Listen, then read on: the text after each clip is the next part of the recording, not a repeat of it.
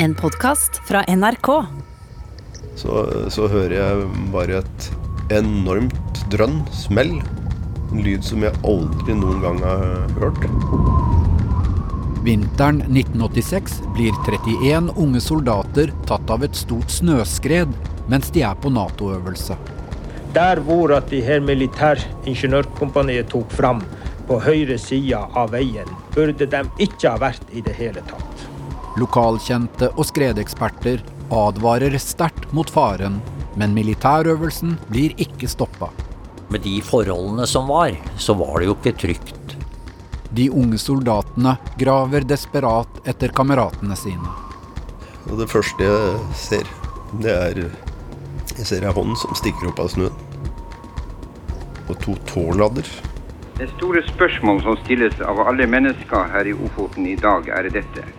Ble troppen fra Ingeniørkompaniet kjent rett inn i døden av øvelsesledelsen?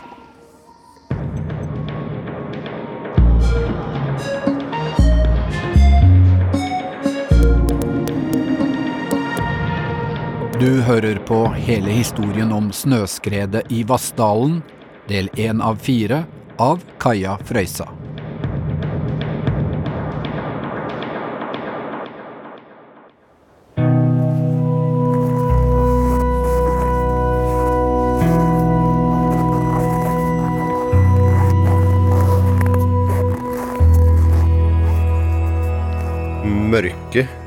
Flotte mørket over Mauken. Er jo stjerneklart og, og Jeg tror vi hadde litt nordlys. Det er kaldt. Det skinner i snøkrystallene når vi, når vi går i, i mørket. Året er 1986. Norge er vertskap for en stor Nato-øvelse denne vinteren. Og 20 000 soldater fra mange land kommer til området på grensen mellom Nordland og Troms. 20 år gamle Eivind Håvin er med på øvelsen som befal i Ingeniørtropp 2. Han har sersjantgrad. Så det var jo aldri snakk om at det ikke kunne gjennomføres, sjøl om det var 40 kuldegrader.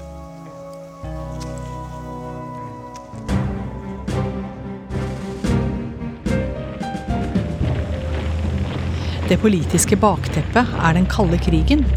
Det er en reell frykt for en ny verdenskrig mellom supermaktene USA og Sovjetunionen. Republikaneren Ronald Reagan er USAs president. I want to speak to the people of the Soviet Union.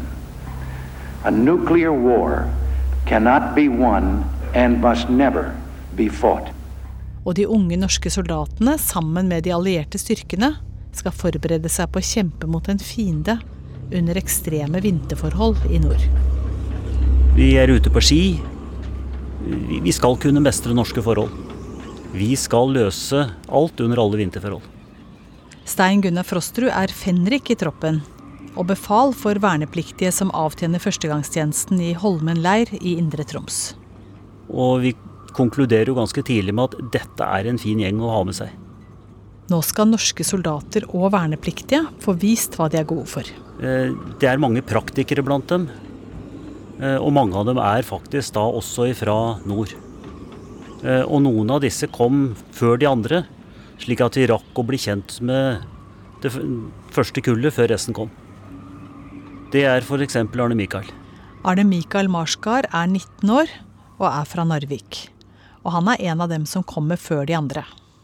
Han er en, eh, en sånn som sørger for at ting blir gjort.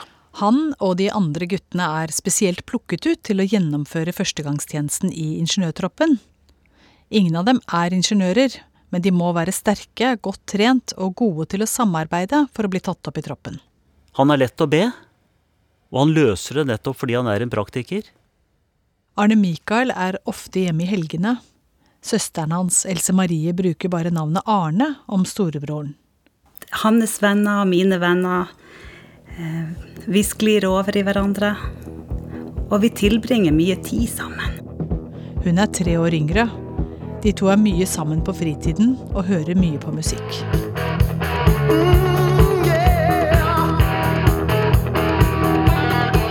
Han var Kiss-fans på sin hals. Og, og når vi var enda yngre, så delte vi soverom. Så jeg vokste opp med Kiss.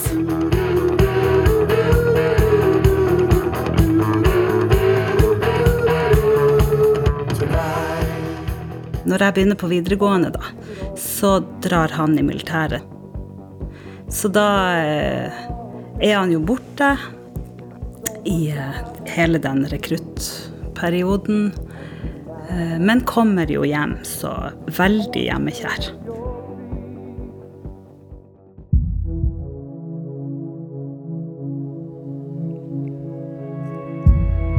Når øvelsen nærmer seg, så får vi jo vite at vi skal ha et såkalt hemmelig oppdrag i begynnelsen av øvelsen. Som en del av øvelsen skal en infanteribataljon angripe fienden bakfra. Ingeniørsoldatene skal gå inn dagen før øvelsen starter, og lage en hemmelig beltevogntrasé. Denne traseen skal gå gjennom tre veiløse daler fra Bjerkvik nord for Narvik og videre nordøstover inn i Troms til Sallangsdalen. Altså skal vi etablere en trasé for beltevogner opp gjennom en dal som vi får høre at heter Vassdalen.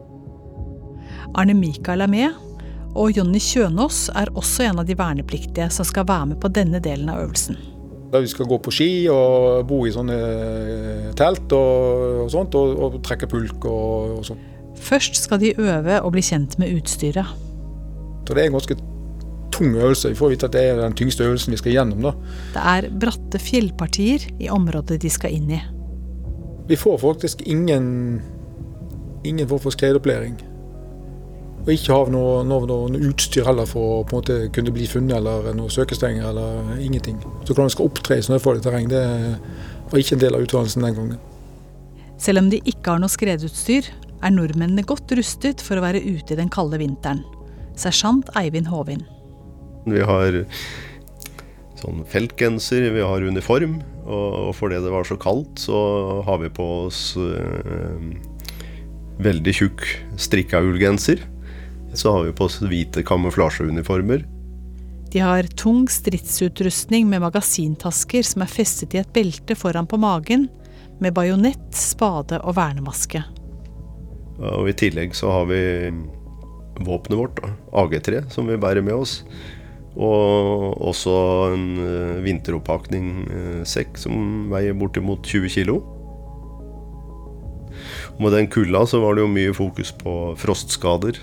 Så vi, vi stoppa jo hvert tiende minutt. Uh, så på hverandre, så etter hvite flekker i ansiktet, spurte om folk hadde det bra. Uh, hvis det var noen som hadde antydning til hvite flekker, så var det jo liksom å holde på nesa og, og sånn. Vi hadde vannflaskene våre. De putta vi jo inn på kroppen for at de skulle være tint, så vi hadde tilgang til vann.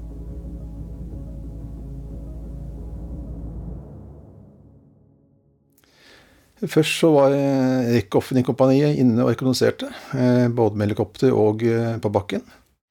Per Anders Berge er sjefen for Ingeniørkompaniet med til sammen 260 soldater under seg. Noen uker før øvelsen er han inne i øvingsområdet for å planlegge veivalget sammen med andre i ledelsen. Og eh, rapporterte tilbake. Eh, så hadde vi da en tropp inne i eh, Vassdalen og litt lenger innover 19.2, som da gjorde forberedelser. Etablerte delvis litt av Natasien, så på området. Den ruten de legger denne dagen, er den letteste å kjøre med beltevogner, men den er også mer rasutsatt hvis det kommer mye snø. Eh, på det tidspunktet så var det jo helt andre forhold. Det var jo lite snø, det var ingen eh, rasfare. Eh, og der vi også da la om traseen, så var det en stor eh, voksen skog som viste at det ikke var noe rasfare forventet da, i det området. De fester gule plastbånd i trærne og trestikker i bakken for at beltevognene skal se hvor de skal kjøre to uker senere. Det var jo en traktortrasé mye av veien som, som, ga seg selv. Ble merket med gule teipbånd. Så det skulle lett å, å kjenne igjen. Når den store øvelsen nærmer seg, skifter været. Det snør mye og blåser mer enn vanlig. Men Det var jo først etter at det store snøfallet kom, at eh, skredfaren økte betraktelig. Steinar Bakkehøy er skredekspert fra Norges geotekniske institutt. Under øvelsen er han en av de to som har ansvaret for å følge med på skredfaren. Og når det går et stort skred over E6, da er det opplagt stor skredfare. Og det var jo gått mange skred ellers i området òg. Nå får alle landene som deltar på militærøvelsen beskjed om flere skred i daler i nærheten av øvingsområdet, og de må være ekstra obs på snøskred. Vi graver i snøen og eh, tar noe siktprofil forskjellige steder og tester stabiliteten på snødekket. Og det vi eh, ser da, det er jo at eh, den nysnøen som har falt, det ligger på et veldig ustabilt eh, underlag.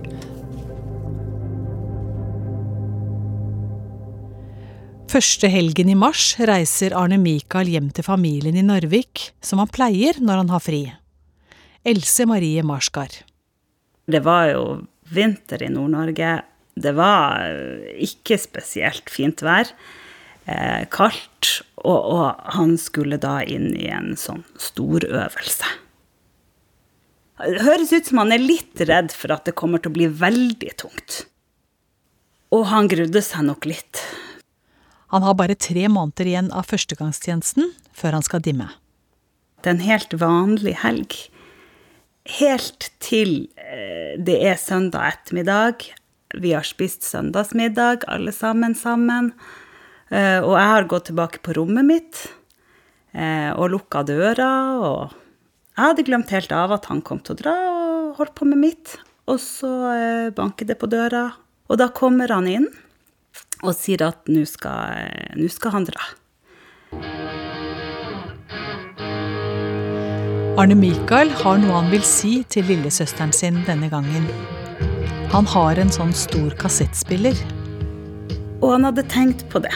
At han ville at jeg skulle ha den gettoblasteren hans. Så om jeg bare kunne gå på rommet hans og, og, og hente den. Og jeg syns det var en utrolig merkelig eh, forespørsel. Nå spurte han hvorfor han sa det nå. Og, og da bare så han på meg, og så akkurat da så fløyta bilen som skulle hente han, fløyta utfor vinduet hos, hos meg, og så, og så bare så han på meg, så sa han Jeg ville bare at du skulle vite at jeg vil at du skal ha den. Men eh, nå må jeg gå.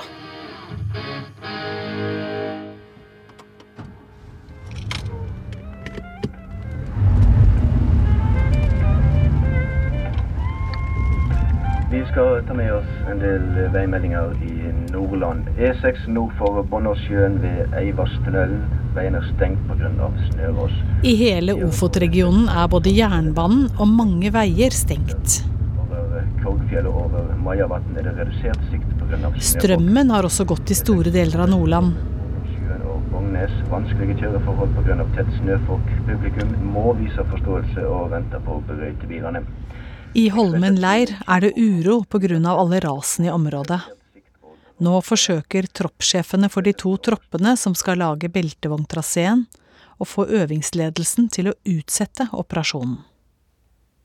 Det var akkurat denne spesielle operasjonen med at man skulle gå gjennom Vassdalen, Bukkedalen og Raudalen.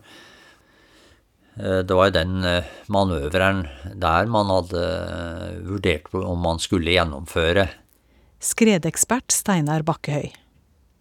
Men de var veldig oppsatte på at den skulle gjennomføres. Jeg vil jo si at eh, det, det hadde ikke vært noe problem å fått en eh, trasé gjennom disse dalene hvis eh, man hadde funnet, gått på riktig side av dalen og eventuelt sprengt ned enkelte skred. Mens de venter, får soldatene i andre tropp beskjed om å være klare på kort varsel. Eivind Håvin og de andre pakker sitt eget turutstyr med ekstra teltplugger og teltduk, i tillegg til fellesutstyret de trenger til operasjonen. Eh, lagsutstyret som vi har med, er jo minerydderutstyr, eh, lagstelt, ovn, eh, ved, spader, slik at vi kunne bygge stillinger. Vi hadde med motorsagsett, verneutstyr til motorsag. Eh, vi hadde med boremaskiner. Så det, vi er utrusta for å kunne gjøre mye forskjellige eh, oppgaver når vi er ute i felt. Normalt så har vi oppstilling klokka halv åtte på morgenen. Eh, den dagen her så står vi opp tidligere.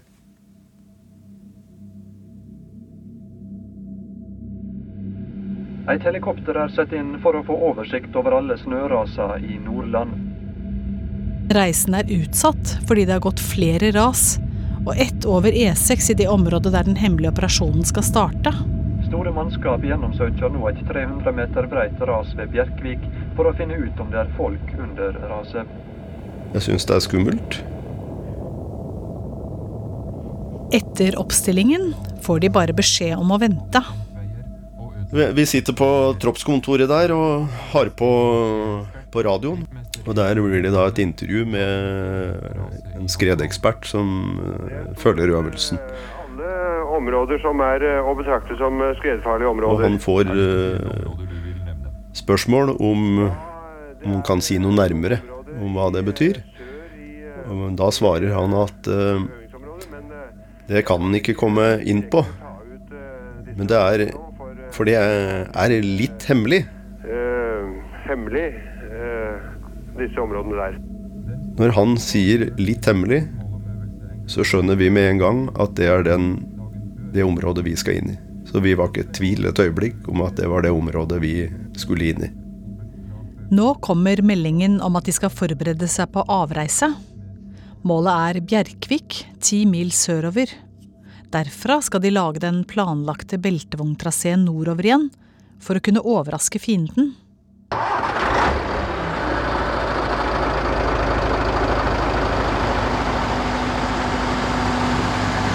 Vi kjører fra Skjold, som er sør for Vardefoss, hvor vi svinger ut på E6. Underveis så følger jeg jo med og ser opp i fjellsidene.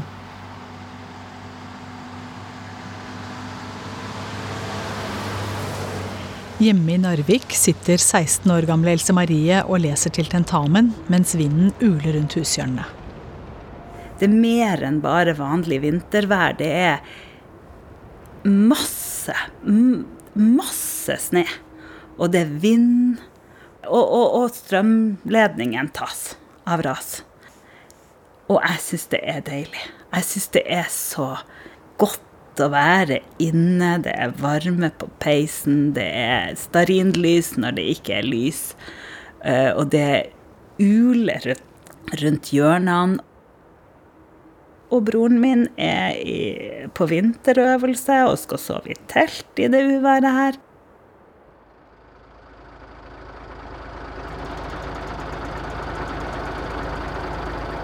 Vi nærmer oss Gratangsfjellet, så er det jo store eh, trafikkproblemer. Kilometervis med kø oppover fjellet der, med militære kjøretøyer og også sivile kjøretøyer, som da skal forbi det her eh, skredområdet. Vi sitter i bilen, og det står stille, og så flytter det seg litt framover, og så Sånn fortsetter det. Jeg tror to-tre timer, tenker jeg. Kjempehøye snømasser som ligger i liksom pakka sammen i, i en sånn snøskredform. De ser mange militære telt langs veien. Det er eh, brigadens kommandoplass som ligger der. Og så er det nesten blitt tatt av, av skredet. En del av Forsvarets kommunikasjonsutstyr blir nå ødelagt av brøytemaskinene. Sånn at en livsviktig advarsel om hvor stor skredfaren er, ikke når fram til ingeniørtroppen i Vassdalen. Så fortsetter vi ned bakkene mot Bjerkvik, og så står det et skilt til venstre om Vassdalen. Vi har jo aldri vært der, men vi kjører innover dalen. Forbi noe som heter Hartvikvann. Når vi krysser over ei gammel trebru. Og, og fortsetter på sørsida av elva, enda videre innover i dalen. Da går ikke veien lenger. Det er brøytet opp noen plasser til lastebilene deres, og det er her de skal etablere leir. Det er fremdeles lyst når vi kommer dit.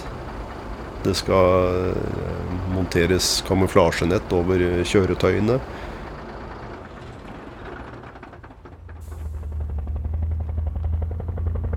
Den samme ettermiddagen reiser to helikoptre inn i Vassdalen. I det ene sitter øvingsledelsen. Forsvarets skredekspert Steinar Bakkøy er med i det andre. Så går vi ned på en liten utflating hvor vi går ut, og så graver vi snøen og vurderer snødekket på den sida der. Og da finner vi ut at det er veldig ustabilt. og Skredekspertene er ikke i tvil. Det er stor rasfare i øvingsområdet. En plakat med skredregler skal deles ut. Den ble trykt opp i flere tusen eksemplarer, sånn at alle soldatene skulle få hvert sitt eksemplar av denne snøskredplakaten. Det var på norsk, og det var på engelsk. Og alle 20 000 skal ha den, og ha lest den og ha den i lomma før øvelsen starter på torsdag. Jeg kan ikke huske at noe sånt uh, kom til oss. Fenrik i Ingeniørtropp 2, Stein Gunnar Frosterud.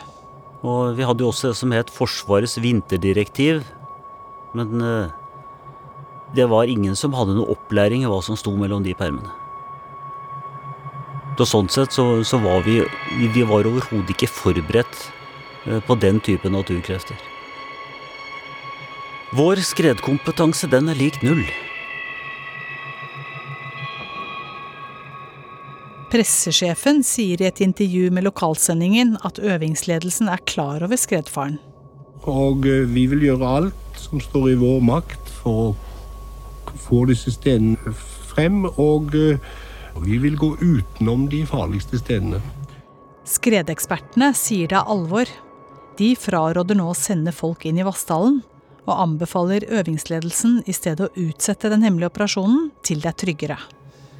Og om kvelden så sendte vi også da en melding til Brigade N, hvor vi sa at vi kommer ned dagen etter, og at vi forventa at ingen går inn i disse områdene, inn i Vassdalen, før vi har kommet ned, og at vi skulle være med de første som gikk innover.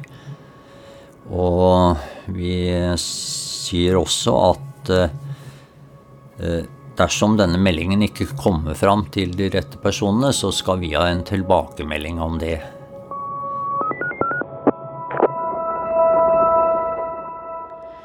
Det er denne advarselen som aldri når fram til soldatene som skal delta på operasjonen.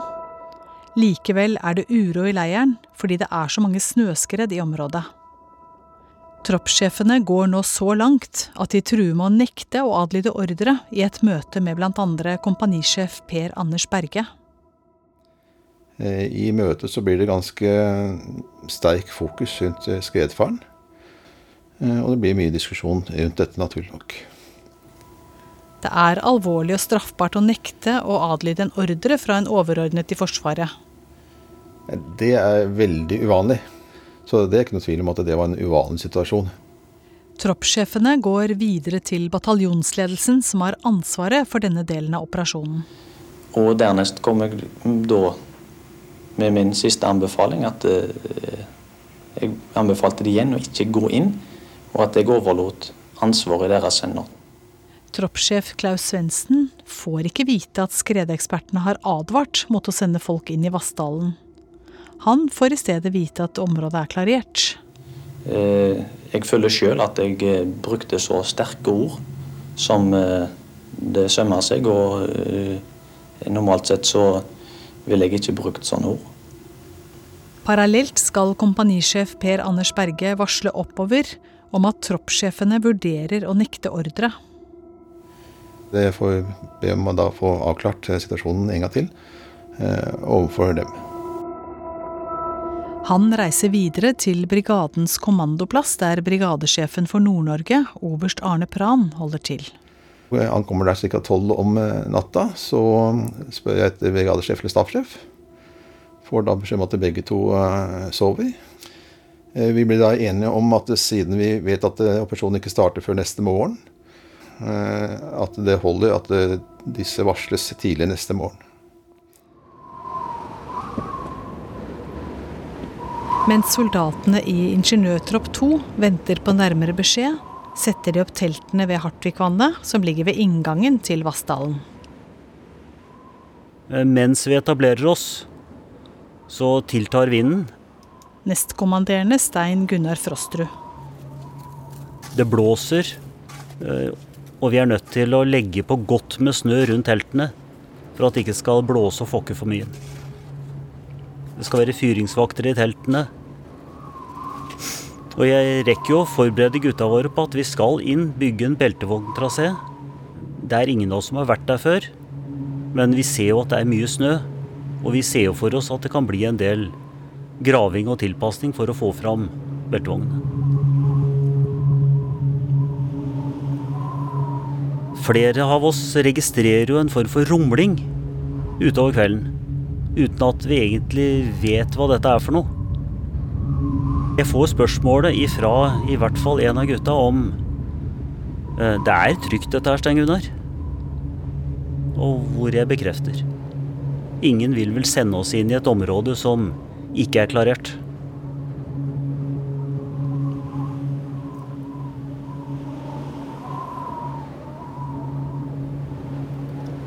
Uh, Utpå kvelden så kryper gutta i posen. Det er vanskelig å sove. Det blåser. Uh, teltene rister. Det fyker snø. Midt på natten kommer troppssjef Klaus Svendsen. Og han er skeptisk. Han forteller om de siste møtene han har hatt med ledelsen på kvelden. Ja, jeg får en del oppdrag som jeg skal løse da om morgenen. Og noen av de oppdragene jeg får, er bl.a.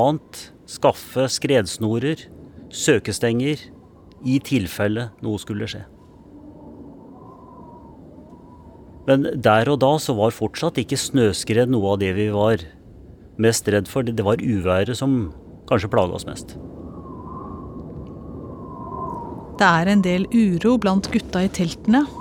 Eivind Håvin er lagfører for sin gruppe. De er bekymra for at vi skal inn der. Men en eller annen gang i løpet av kvelden, natta, så får vi en beskjed om at vi skal eh, ut. At en operasjon vår skal gjennomføres som planlagt.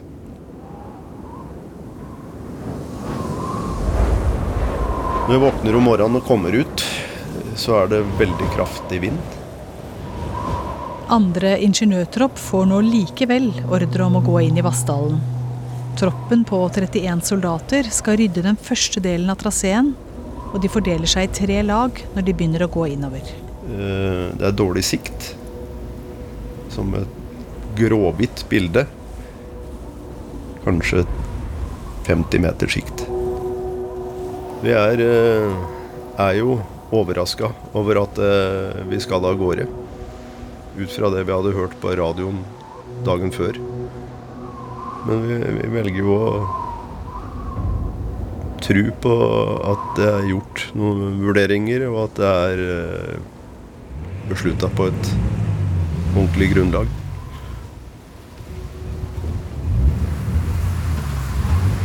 Eh, som lagfører så er jo jobben min å vite hvor vi skal og hvor vi er. Eh, jeg har kartmappe som vi har fått utdelt før øvelsen.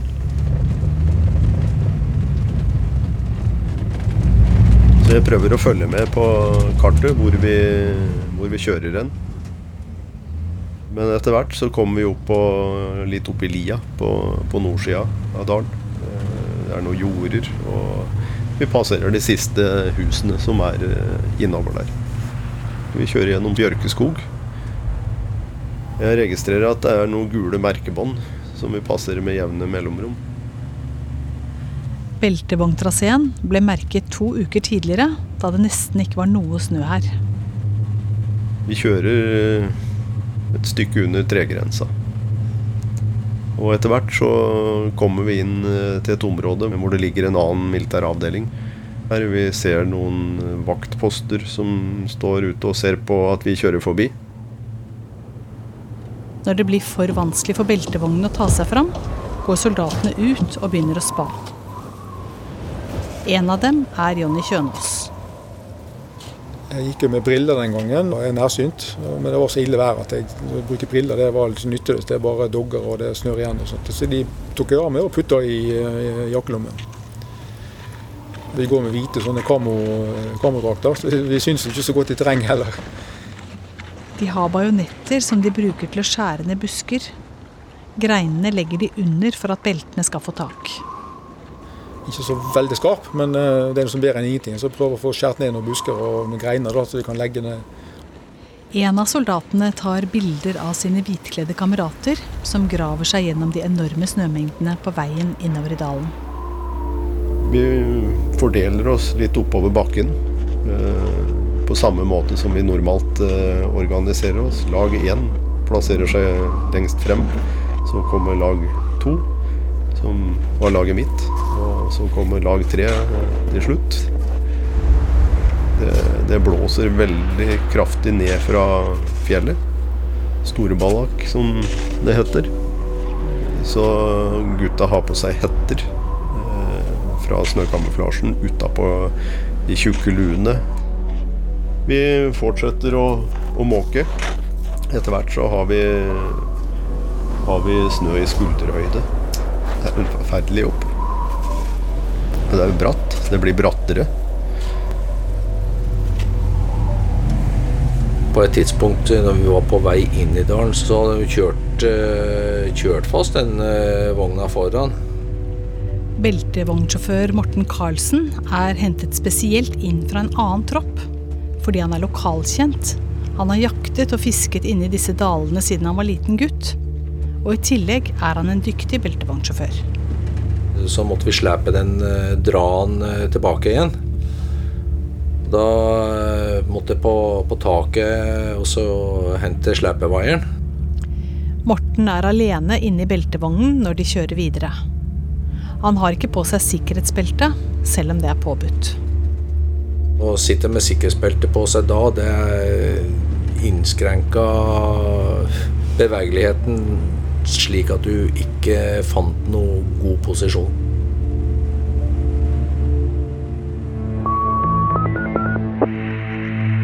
Ute ved basen i Bjerkvik får ikke nestkommanderende Stein Gunnar Frostrud kontakt med troppen som er inne i Vassdalen. Men det er i seg selv ikke helt uvanlig. Det er terrengformasjonene som gjør at det er veldig vanskelig å ha et godt samband i disse dalene. De kommuniserer med store bærbare telefoner. Ganske store enheter som da kan bæres med, eller som sitter i et kjøretøy med et ordentlig telefonrør eller stor mikrofon og en lang, lang antenne. I lederteltet har akkurat skredgruppa fått vite om troppen som har blitt sendt inn i Vassdalen. Og vi ble jo veldig overraska når vi hører at det er eh, folk som er innover i Vassdalen. Skredekspert Steinar Bakkehøy var han som advarte dagen før mot å gå inn i Vassdalen. Eh, vi ble veldig forundra over hva som egentlig hadde skjedd her. Hvorfor hadde ikke disse meldingene våre kommet fram, og hvorfor hadde de allerede begynt å gå inn? Han sørger for at det blir sendt ut melding om at operasjonen må avlyses umiddelbart. Men det er dårlig samband, og soldatene som er på vei innover i dalen, får ikke beskjed.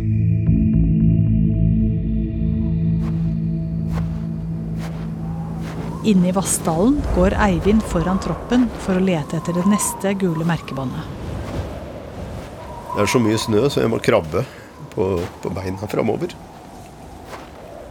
Og så finner jeg en liten kul hvor det, det flater nesten helt ut. Der finner jeg det neste merkebåndet. Jeg begynner å gå til, tilbake. Og så kommer jeg fram til der De fremste gutta står og, og måker rett før der. Eh, og der stopper jeg opp. Tenker jeg at det Hvor hvor flinke de er til å stå på.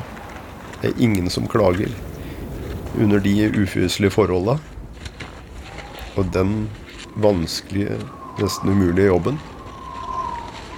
Mens Eivind står og snakker med en medsoldat, skjer det noe.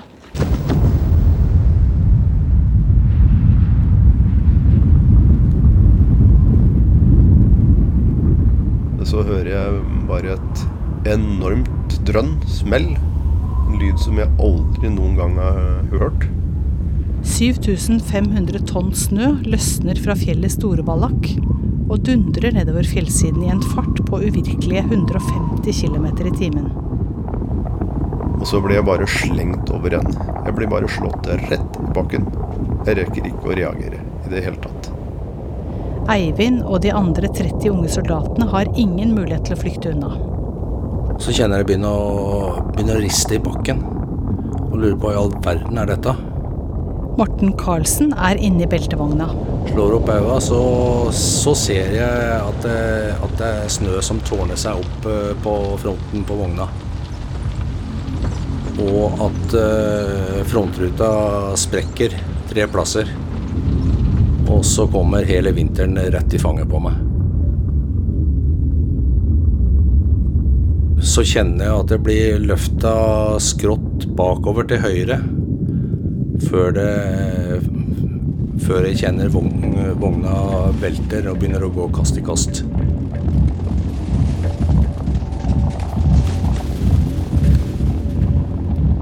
Da renner det i huet på meg. Eh, De eh, klistremerkene som står overalt på alle anleggsmaskiner. Om maskinen velter, hold fast i rattet.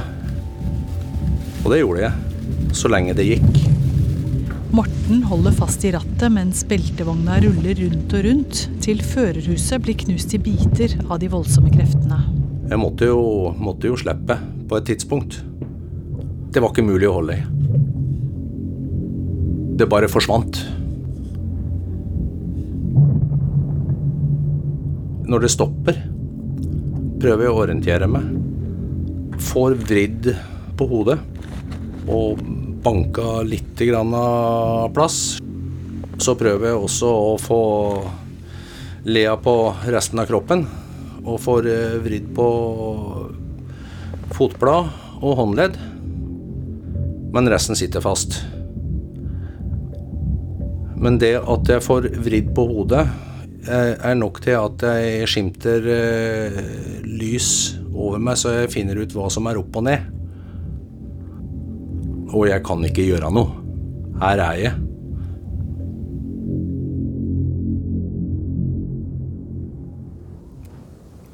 Jeg kjenner at jeg ikke har luft. Når raset stopper opp, merker Eivind også at han sitter fast.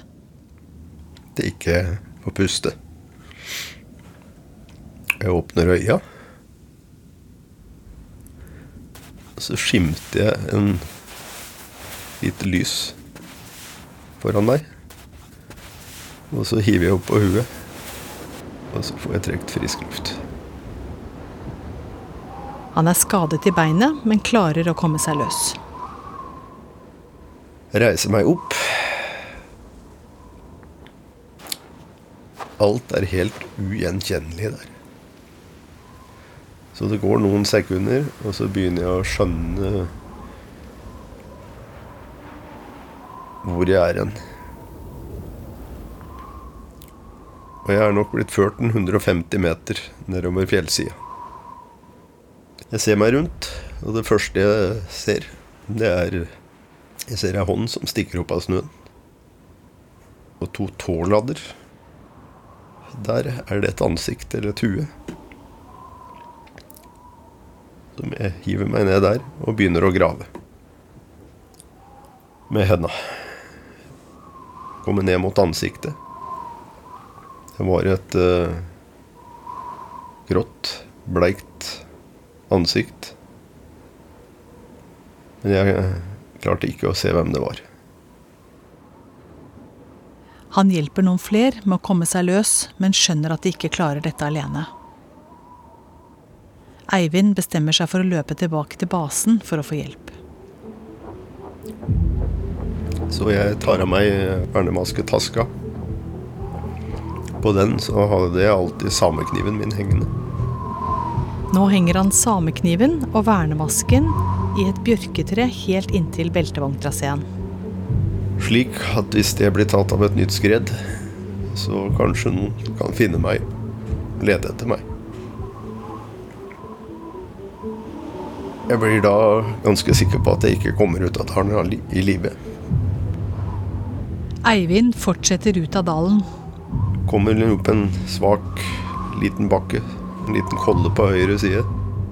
Han går mot teltene han så da troppen kjørte innover. Jeg ser det er et knappetelt som ligger ved den kollen. Jeg ser det står en vaktpost der.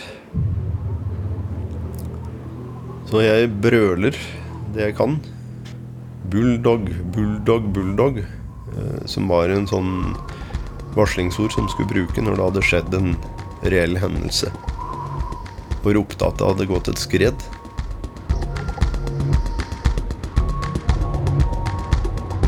Du har hørt den første av fire deler om snøskredet i Vassdalen av Kaja Frøysa. Lyddesign Kjetil Hansen. Arkivresearch Beate Riser. Redaksjonssjef Siril Heierdal. Jeg heter Kjetil Saugestad og har vært produsent. Du har hørt en podkast fra NRK. De nyeste episodene og alle radiokanalene hører du i appen NRK Radio.